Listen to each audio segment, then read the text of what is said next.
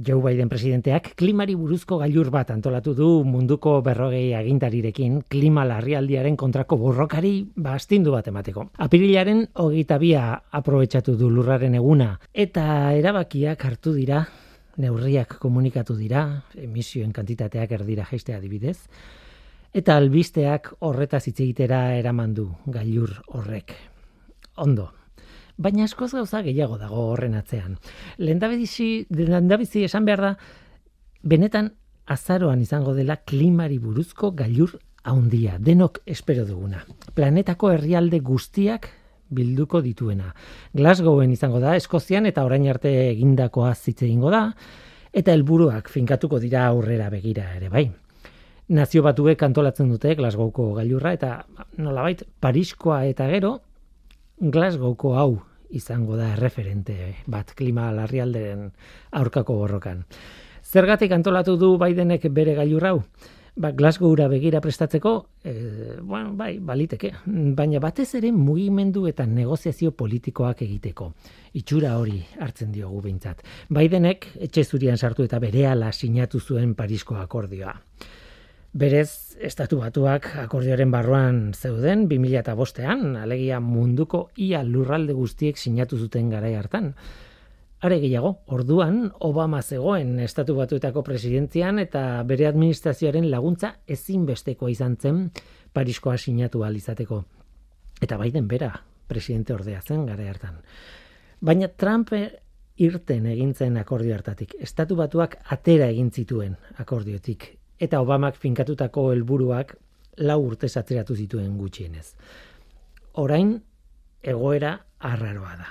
Lau urte akordiotik kanpo eman dute, eman dituzte, eta berriz ere sartu direnean lideratu egin nahi dute klima larrialdiaren aurkako borroka.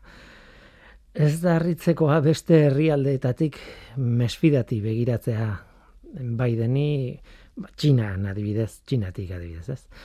Bestalde Biden dirua jartzen ari da zenbait herrialdetan be haien aldeko jarrera ba, lortzeko edo sustatzeko, ez? Brasilen adibidez eta kontua ez da guztiz garbia. Tira, estatu batuen barruan Biden laguntza asko ditu, baina oposizio handia ere bai.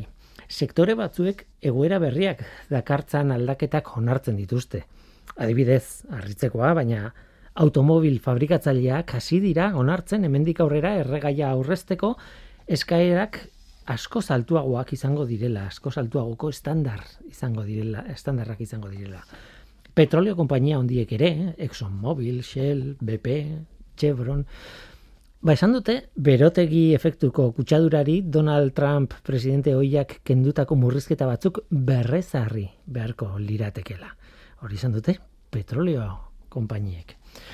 Gainera, apirilaren erdialdean, irureun konpainia eta inbertitzaile pribatuk, Apple, Google, Unilever, Walmart eta Electric, General Electric besteak beste, bakutun bat argitaratu zuten Bideni eskatzeko klima krisiaren aurkako aleginak areagutu ditzala.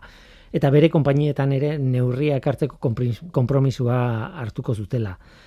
Helburua da, berotegi efektua eragiten duten gazen emisioak 2000 eta bostetik behera, bosteko mailetatik behera murriztea 2000 eta hogeita marrerako.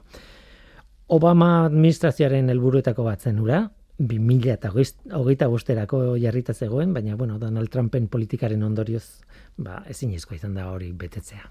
Tira, Bidenek ordea oposizioa ondia du senatuan, estatu batuen senatuan ikatza eta gasa ekoizten dituzten estatuetako senatariek ez diote laguntzen. Adibidez Mendebaldeko Virginian, Pensilvanian, Wyomingen, Alaskan, Texasen, bai, beste hainbat badaude. Senatari horiek kontra daude, naiz eta batzuk alderdi demokrataren kideak izan.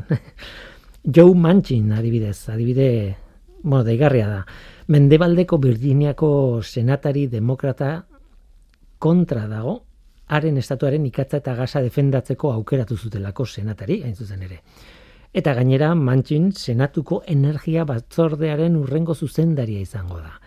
Beraz, botere asko izango du energiarekin lotutako hainbat erabakitan.